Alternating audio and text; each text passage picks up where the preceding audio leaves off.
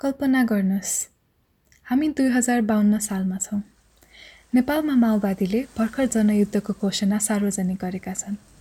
तपाईँ दोलखाको एउटा आम परिश्रमी महिला हुनुहुन्छ र तपाईँले भर्खर आफूलाई एउटा अनौठो स्थितिमा भेटाउनु भयो छाना चुइन थाल्यो तर मर्मत गर्न भने श्रीमान छैनन्।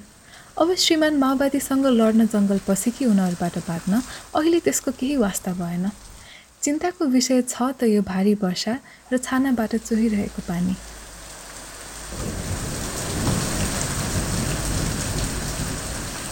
अब जस्तो तपाईँलाई चाहिँ त्यहाँ हेल्प गर्ने मान्छे कोही छैन तर केही काम चाहिँ तपाईँले गर्नै पर्ने छ भनेदेखि त तपाईँ गर्नुहुन्छ नि गएर होइन? यी हुन् अमृता लम्साल पत्रकार तथा सामाजिक कार्यकर्ता जो जनयुद्धको क्रममा महिला र बालबालिकाका स्थितिबारे बुझ्न पश्चिम नेपालसम्म पुगिन्। जब आन्दोलन सुरु भयो पुरुषहरू त लुक्न पर्यो होइन? लुके कता कता गए अब त्यसले गर्दाखेरि अब उसमा लागेछन् जङ्गलमा गयो भन्थे जङ्गली भन्थे जङ्गलमा बस्छन् भन्थे। अब कहाँ बस्थे के गर्थे अब त्यो त हामीलाई के थाहा र कसले भन्यो र तर स्वास्नी मान्छेले घरको छाना छाउने भनेको त्योभन्दा अगाडिसम्म लोग्ने मान्छेले गर्ने काम। हलो जोत्ने भनेको त्योभन्दा अगाडिसम्म लोग्ने मान्छेले गर्ने काम। त्यस्ता त्यस्ता कामहरूमा पनि स्वास्नी मान्छेहरू चाहिँ पुरै इन्भल्भ हुन थाले कि। त्यो युद्धको बेलामा चाहिँ नि केटाहरू गयो होइन उनीहरूले चाहिँ सबै इकोनोमिक अब अब किनभने तपाईँको त्यो पोस्ट त्यो कन्फ्लिक्टको बेलामा त ट्रेनिङ्सहरू पनि एकदम धेरै दिइरहेको थियो होइन। सबै एनजिओजहरू एक्टिभ थियो अनि तपाईँको अनि गभर्मेन्टले पनि कतिपय तालिमहरू दिएको थियो होइन।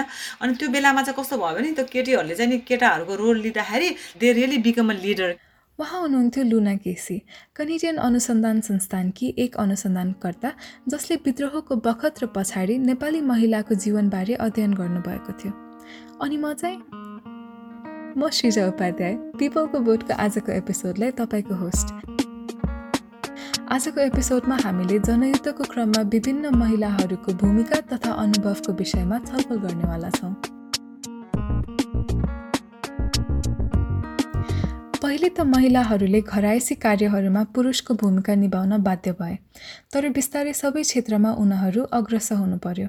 मिटिङमा जानु पर्यो होइन? घरबाट बोलाउँछ नि त एकजना मिटिङमा आऊ भनेर होइन? त्यसमा उहाँहरू मिटिङमा जानुभयो अनि अब मिटिङमा जाँदाखेरि अलिकति इम्पावरमेन्ट भयो आफ्नो दुइटा कुरा राख्न पाउनु भयो त्यसपछि अब आफूले पनि अब ट्रेनिङहरू लिएर कसैले अब तपाईँको रेस्टुरेन्टहरू सानसानो खोल्नु भयो कसैले चाहिँ तपाईँको तरकारी पसलहरू खोल्नु भयो अब कोही त इभन लोकल पोलिटिक्समा पनि आउनुभयो because they were no women in the village होइन? आउनुभयो होइन? अनि त्यसले गर्दाखेरि चाहिँ उनीहरूको चाहिँ क्वाइट इम्प्रेसिभ छ कि? केसी र लम्साल विद्रोहमा भाग नलिएर गाउँमै बसेका महिलाबारे कुरा गर्दैछन्। अचम्मले भने चलिरहेको माओवादी युद्ध र विद्रोहीका उपस्थितिका कारण लैङ्गिक हिंसा कम भयो र कुनै हदसम्म महिलाको सशक्तिकरणप्रति मद्दत पुग्यो। लम्सालको अनुसार यी खाली गाउँहरूमा राज्यले महिलाहरूलाई दिन नसकेको न्याय माओवादीले दिए। अनि गाउँमा मान्छेहरू डराउँथे माओवादी आउँछ है अब जातपातको कुरा गर्नुहुन्न अनि महिलाहरूलाई कुट्नुहुन्न रक्सी खानुहुन्न यस्तो गर्नुहुन्न भन्ने खालको कुराहरू चाहिँ सकारात्मक कुराहरू त्यहाँ त्यो थियो। अब मान्छे मार्ने भन्ने कुरा जुन अहिले जसरी एक पक्षले अर्को पक्षलाई मात्रै सत्र हजार मार्यो वा यति हजार मार्यो भनेर लाउँछ होइन त्यो कुरामा चाहिँ म अहिले पनि डिफर गर्छु। किनभने सत्र हजार माओवादीले मात्र मारेको होइन होइन? त्यो भनेको मतलब मैले माओवादीलाई डिफेन्ड गरेको होइन फेरि। हत्या र हिंसा भन्ने कुरा कहिले पनि जस्टिफाई चाहिँ हुँदैन। गाउँले महिलालाई गाउँले महिला गाउँले महिलालाई अन्य परेछ त सिधै आउँथ्यो हामी कहाँ? पार्टी कहाँ आने पार्टी कहाँ आएर उजुरी गर्न आउने त्यसपछि पार्टीका मान्छेहरू गएर बुझ्ने त्यसपछि अब उसलाई कस्तो छ? कारवाही गर्ने छ जस्तो छ भनेपछि अब कारवाही गर्ने हुन्थ्यो। कारवाही गर्ने जस्तो छैन। सामान्य भाषी अब सामान्य चेतावनीहरू दिने त्यस्तो हुन्थ्यो यी हुन् सबिना बिक जसले जनयुद्धताका मुख्य रूपमा प्रचारक तथा भर्तीकर्ताको काम गर्थिन्। कारवाही भनेपछि जस्तै पार्टीमा पद केही नहुने के? त्यसलाई त्यस्तै खाना पकाउने यताउता झोलासोला बोकेर हिँडाल्ने त्यस्तो कारवाही हुन्थ्यो त्यस्तो हानपिट त्यस्तो हिँड्नाटो त्यस्तै अब जटिल एकदमै सहनै नसकिने गल्ती गरेपछि त्यो हान्ने कुरा अब। तर त्यस्तो सामान्य रूपमा भाषी त्यस्तै कारबाही यताउता गरिदिन्थ्यो। धेरै गर्थ्यौँ कारबाहीटा स्वास्नी पिट्नेलाई पनि कारबाही गर्थ्यौँ जाँटक सिकाएर हल्ला गर्ने हिँड्नेलाई पनि कारबाही गर्थ्यौँ। त्यसपछि अब गाउँमा नराम्रो हुन्छ नि त्यस्ता मान्छेलाई पनि कारबाही गर्थ्यौँ। उहिले त पहिले त अहिले त खै अहिले त बसिएछ घरमा के कारबाही गर्ने? लम्सालको विचारमा यी गतिविधिहरूका कारणले पनि महिला वर्गमध्ये माओवादी लोकप्रिय बन्न पुगे। किन भन्ने लाग्छ भनेदेखि महिलाहरूको भोइस त्योभन्दा अगाडि कहिले पनि सुनिँदैन थियो। अहिले त सुनिन्न होइन? अहिले त सुनिँदैन त्यति बेला त पुरै जानुहोस् त्यसमाथि पनि त्यो एउटा रिमोट गाउँ अनि पञ्चायतले एकदमै थिचेर ठिलठिलो पारेको ठाउँ अनि महिला भनेको एक त जनजाति धेरै जनजातिहरू भएको ठाउँ होइन? जनजाति आदिवासी महिला मधेसी यौनिक अल्पसङ्ख्यक भनेको त अहिले पनि त राज्यले कहाँ सुन्छ र होइन? त्यति बेलाको कुरा गर्दाखेरि त त्यो त झनै दबिएको ठाउँ भयो। त्यो दबिएको ठाउँमा चाहिँ माओवादी आन्दोलनको कारणले केही आवाज दियो जस्तो लाग्छ कि मलाई चाहिँ। महिलाहरूलाई चाहिँ तिमीहरूको पछाडि हामी छौँ है। तिमीहरूलाई कसैले यौन दुर्व्यवहार गर्यो भने त्यो मान्छेलाई हामी ठिक पार्छौँ। तिमीहरूलाई रक्सी खाएर कुट्नेलाई हामी ठिक पार्छौँ। होइन? तिमीहरूलाई यताउति केही भयो भने भन हामी त्यसलाई ठिक पार्छौँ भनेर त्यो एउटा आवाज दियो जस्तो लाग्छ। त्यो आवाजले गर्दाखेरि चाहिँ तानिए। बिक थबाङबाट हुन्। यो गाउँलाई प्राय माओवादी विद्रोहको जन्मस्थलको रूपमा लिइन्छ थबाङवासीहरू प्राय खाम मगर समुदायका छन् जसमा अन्य हिन्दू जातिको तुलनामा लिङ्गको आधारमा विभाजित गरिएका भूमिकाहरू धेरै समान छन्। हामीले दुईजना पूर्व माओवादी विद्रोहीसँग पनि कुरा नाम परि बुढा। र हामीले उनलाई उनका थबाङभित्र तथा अन्य ठाउँहरूमा देखिने लैङ्गिक असमानताबारे के कस्ता अवधारणाहरू छन् त भनी सोध्यौँ।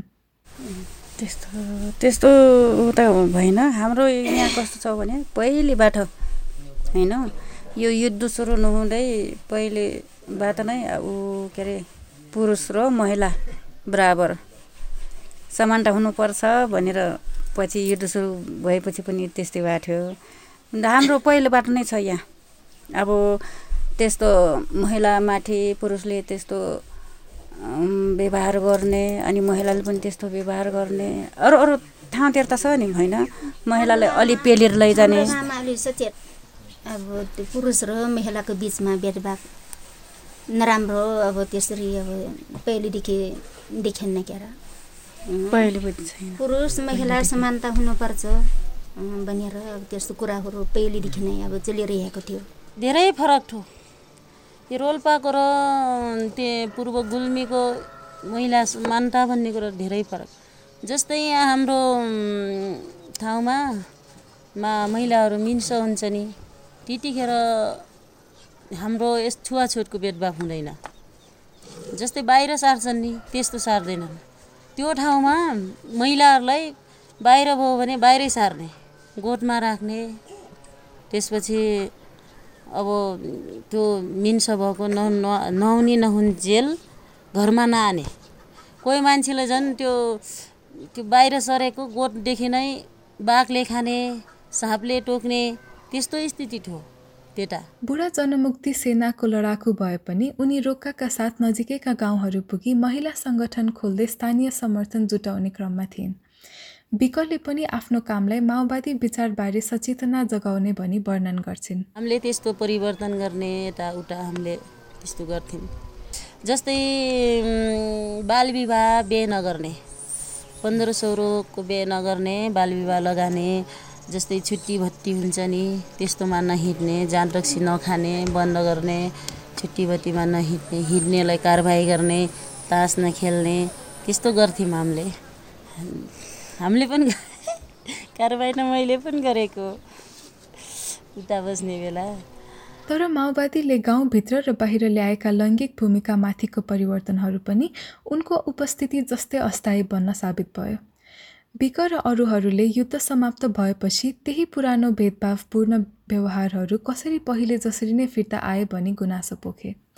केसीको अनुसार यो पितृसत्तात्मक समाजमा फर्किनुको कारण जमिनमा भइरहेको परिवर्तन र संरचनात्मक परिवर्तनहरूको गति नमिल्नु थियो। यो भर्खर नयाँ नयाँ आएको जबरजस्ती समानतावाद निरन्तर राख्न सकिएन। द वे अहिले हामी अघि कुरा गऱ्यौँ the way war change the norms gender रोल्सहरू नर्म्सहरू चेन्ज गर्यो नर्म्स त भन्दैन होइन? जेन्डर रोल र रिलेसन हुन्छ नि जस्तै अब केटाले केटीको काम गर्यो केटीले पनि बन्दुक बोक्यो अब केटीले पनि तपाईँको अब इकोनोमिक एक्टिभिटीहरू गयो त्यो एकदम फास्ट थियो होइन? तर तर जुन तरिकाले चाहिँ तपाईँको यो रोल्स र रिलेसन चेन्ज फास्ट थियो त्यो तरिकाले चाहिँ फन्डामेन्टल स्ट्रक्चर चाहिँ चेन्ज भएन कि? लुना केसीका लागि महिला लडाकुहरूलाई दिएको अप्रभावी क्षतिपूर्ति केवल सशक्तिकरणप्रतिको एक अल्पकालीन प्रयास मात्रै थियो। युद्धपछि निशस्त्रीकरण प्रक्रियाको क्रममा उनले लडाकुहरू बसेका शिविरहरूमा पुगिन्। उनले पत्ता लाइन् कि धेरै महिलाहरूका लागि नागरिकता र जग्गा माथिको पहुँच जस्ता समस्याहरूका कारण पाँचदेखि आठ लाख रुपियाँसम्मको क्षतिपूर्ति पर्याप्त थिएन। त्यही केटा र केटी कम्पेटेन्टमा पनि होइन तपाईँको अब केटाहरूलाई चाहिँ चिन्ता थिएन कि like when they were discharge from the come cantonments or after the demobilization होइन for boys they was no issue होइन बिकज दे सेट द्याट ए मेरो त घर छ बाउ छ बाउको अब सम्पत्तिहरू छ अब अलिअलि जे जे छ होइन पाउँछ भनेर होइन केटाहरूलाई चाहिँ त्यो इस्यु थिएन कि like how they are going to settle their life होइन तर केटीहरूलाई चाहिँ इस्यु थियो कि बिकज केटीहरूले त प्रोपर्टी पाउँदैन होइन भनेपछि के गर्ने भनेपछि फेरि त्यो केटाकै आश्रय गर्नु पर्यो कि? So they were looking for someone who had some land बुझ्नु भएन अनि who would you know who would transfer citizenship certificate in her in her name भनेपछि त्यहाँनिर इम्पावरमेन्ट चाहिँ फेरि ब्रेक डाउन भयो कि? उनीहरूको केसमा चाहिँ कि? त्यस बेलाका भेदभावपूर्ण कानुनका अनुसार बालबालिकाहरूले आमाको नामद्वारा नागरिकता प्राप्त गर्न सक्दैनथे धेरैले अभिभावकको सम्पत्ति पनि पाउन सक्दैनथे केसीको अनुसार यसकारण पनि महिलाहरूले उनका श्रीमानसँग जति नै नराम्रो सम्बन्ध भए पनि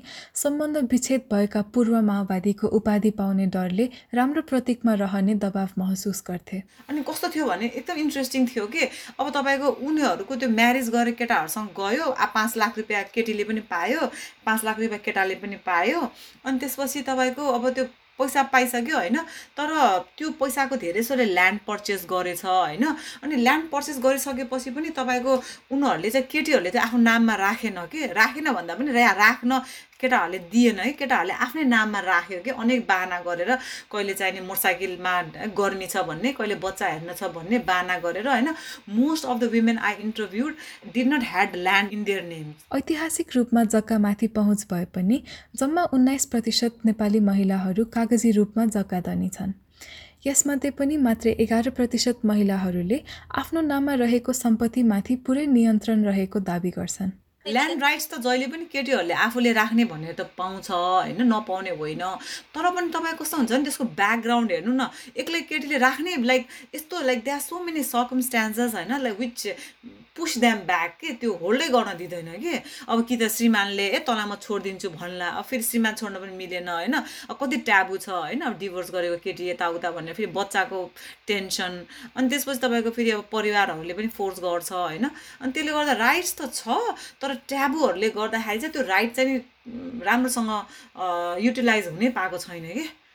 माओवादी महिलाहरूलाई फेरि त्यही पुरानो पितृसत्तात्मक चालचलन मान्ने समाजमा पुनः समायोजन गर्न एउटा ठुलो चुनौती भयो। धेरैका लागि यो अनगिन्ती टुटेका प्रतिज्ञाहरूमध्ये केवल एक थियो।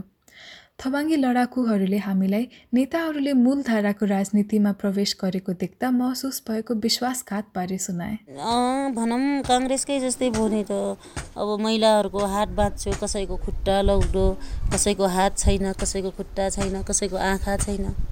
अहिले भन्ने हो भने अब जो मान्छे पहिले युद्धकालमा हिँडे थिएन नि त्यो मान्छे बसेछ सिटमा त्यो मान्छेले खाएको छ त्यो पहिले त्यो परिश्रम बगाएको मान्छेले त कहाँ हेरेछ अहिले त्यस्तो हेरेको छैन देखेको छैन।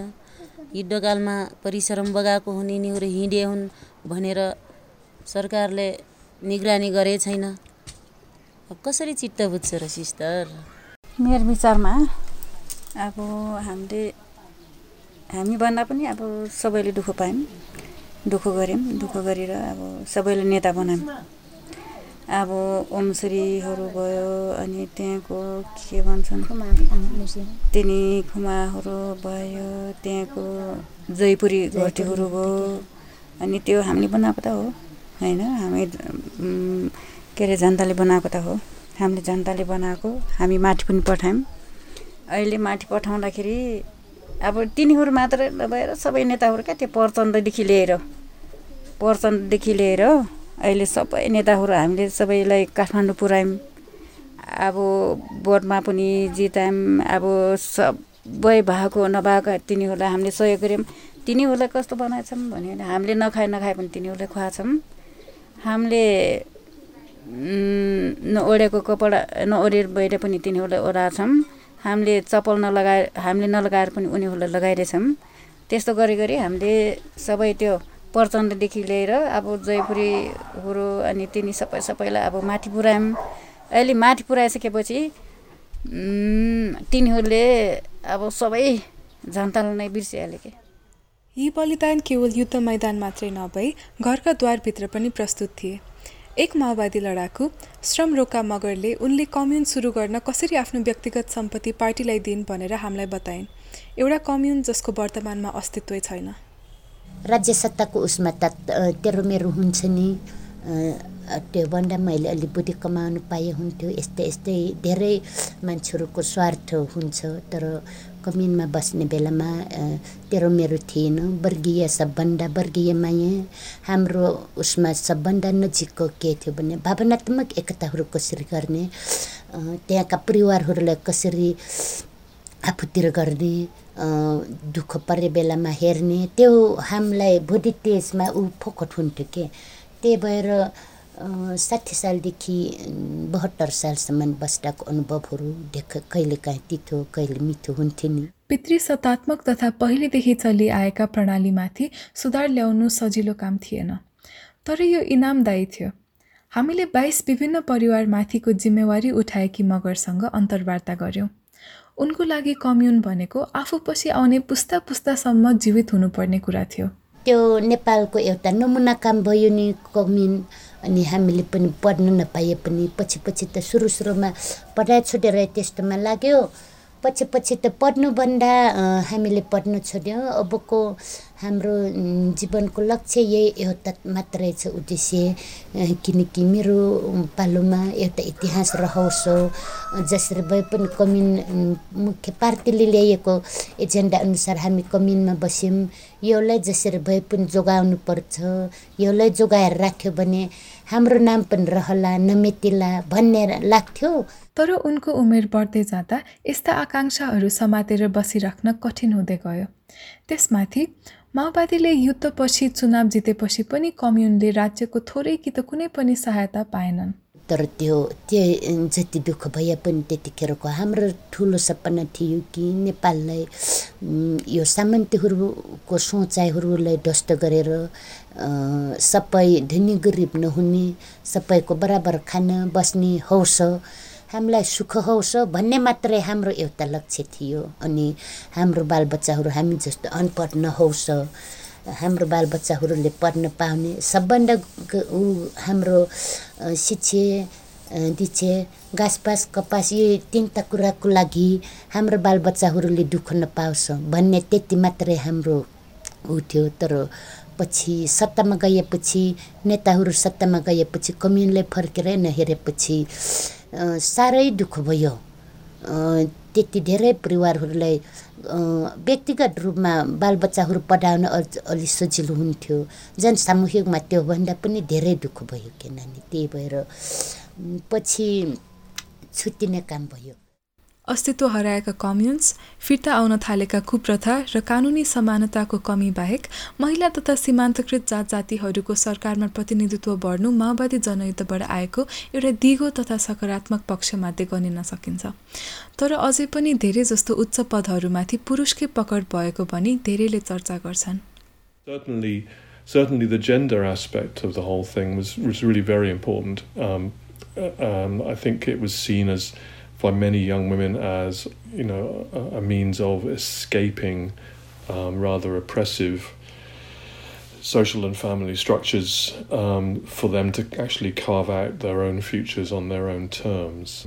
London विश्वविद्यालयमा नेपाली र हिमाली अध्ययनका प्राध्यापक माइकल हटको अनुसार महिलाहरूका लागि यो भेदभावपूर्ण सामाजिक तथा पारिवारिक गतिविधिबाट स्वतन्त्र भई आफ्नो इच्छा अनुसार जीवन बाँच्ने एउटा माध्यम I mean, I पनि थियो think a lot of that ended in disillusionment in the longer term, in the sense that you know it, the the the, um, the patriarchal structures perhaps reproduced themselves within the Maoist movement ultimately anyway, and everybody was sort of put back in their boxes. You know, as you look at the NCP now, the leadership Maoist leadership is pretty indistinguishable from the kind of high caste male political leadership that we've seen uh, for generations in Nepal. So, but I think there was there was a you know a vision and a dream, um, which perhaps was didn't become reality to great to a large extent. Um, although you know you can still see you can still see some changes. I mean, you can still see perhaps more.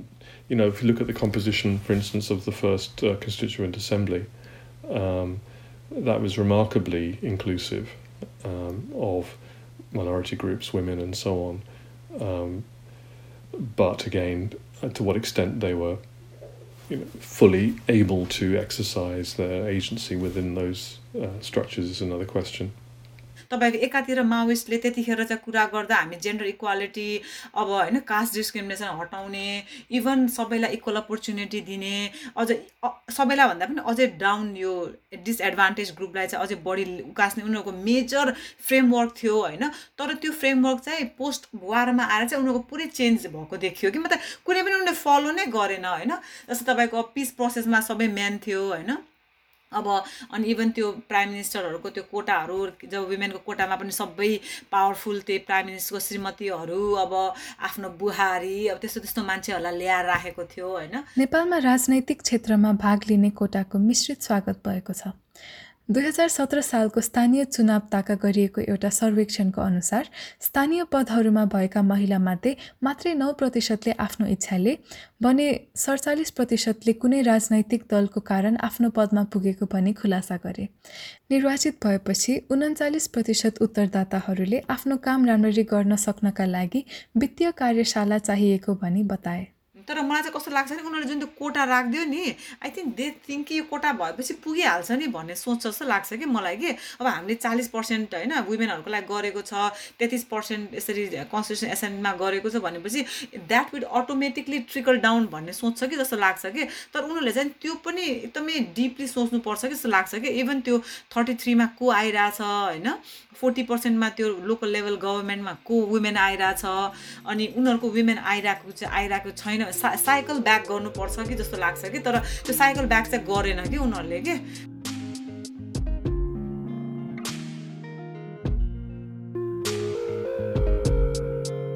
पिपलको बोटको यो episode छिजा उपाध्यायद्वारा host र अनुष्या थापाद्वारा सम्पादित तथा उत्पादित गरिएको थियो। जनयुद्ध भएको दस वर्षपछि पनि महिलाहरूको राजनैतिक सशक्तिकरणको सङ्घर्ष जारी नै छ। महिला वर्ग मात्र नभई उत्तिकै दबिएका दलित र जनजाति समुदाय पनि झुटो बाचाहरूका शिकार परेका थिए।